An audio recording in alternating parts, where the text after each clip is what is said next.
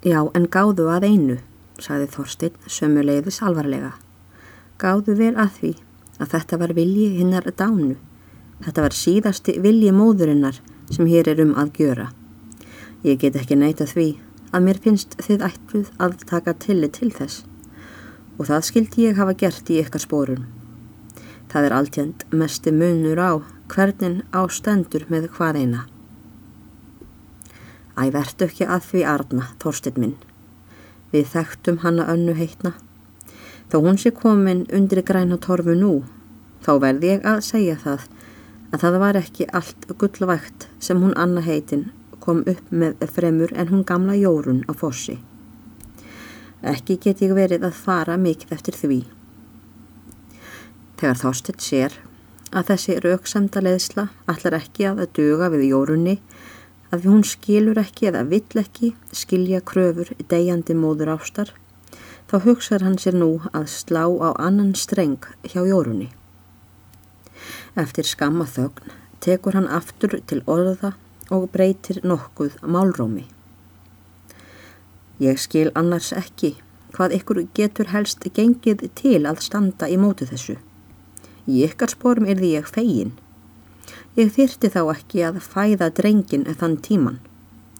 Engin getur neytað að þetta er þó ómægi og ekki síst úr því sláttur er úti og úr því að þið þurfið engu að kosta til ferðarinnar ef það er satt sem mér hefur verið sagt að Gunnar ætli vestur í haust og vilji gerðnan lofa drengnum að vera með sér og enda leggja honum til hest. Þá skil ég ekki hvað ykkur getur gengið til að banna ferð drengsins. Ég veit vel að hann er ómægi, segir Jórun, en mér krefjum sjálfsagt meðgjöf með honum af sveitinni.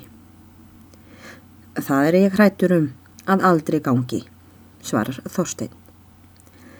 Pilturinn er svo náskildur ykkur og þið svo vel efnuð að þið getið ekki sóma ykkar vegna krafið með honum af sveit enda munu sveitarmenn að líkindum standa á mótu því.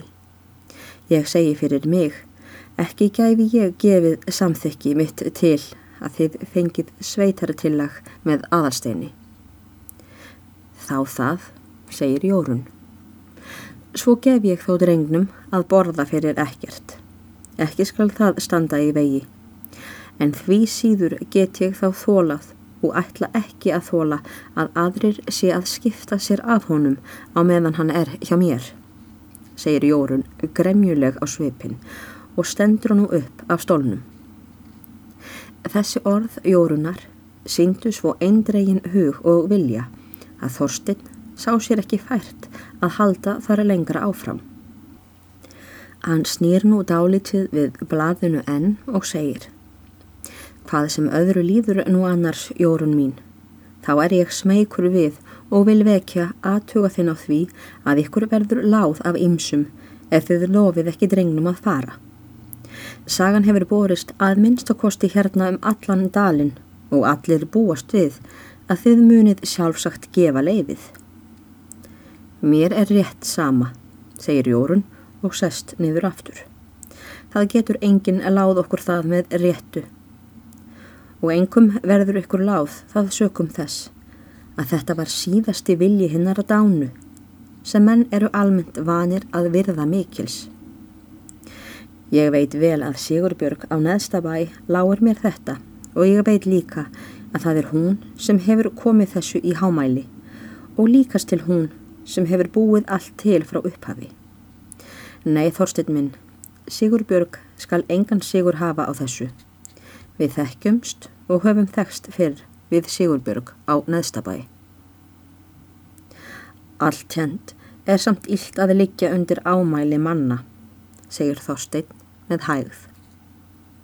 Og sveið því, gamla jórun kippi sér ekki upp við slíkt.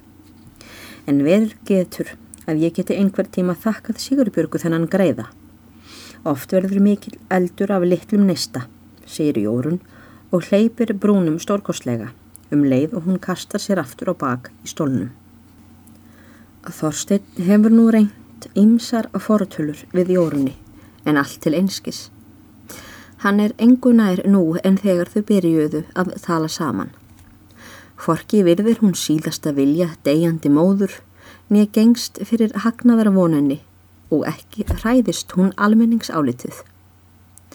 Allt strandar á því að Jórun hefur nú einu sinni tekið þetta fyrir, eða réttara sagt, allt strandar á þeim kala er hún ber til Sigurbjörgar á neðstabæ. Einmitt að því hún heldur að Sigurbjörgu muni vera þægð í því að hún leifi aðalsteini vestur. Þá hefur Jórun einsett sér að gefa aldrei þetta leifi. Þorsteini þykir óvangast málið. Hann hafði ekki búist við slíkri mótstöðu af Jórunni, sem einmitt var vön að láta að orðum hans endranær en það var ekki öðrum þar fært sem hann gekk frá og hafði Þorstein oft reynd það áður. Honum þótti þetta því merkilegra sem hér var ekki að ræða nema um smámunni eina, að lefa unglingi að takast ferð á hendur og hana þó kvorki hættulega nýja kostnaðarsama. En mennirnir verða einat best þekktir af smámununum, er svo eru kallaðir. Húnum dettur nú loksins í hug að útlista en þá eina hugsun sína fyrir jórunni. En gangi það ekki betur, þá ætlar hann sér að hætta við svo búið og gefa Sigurbjörgu til vitundar að við sé óvinnandi með fortölu vopnum.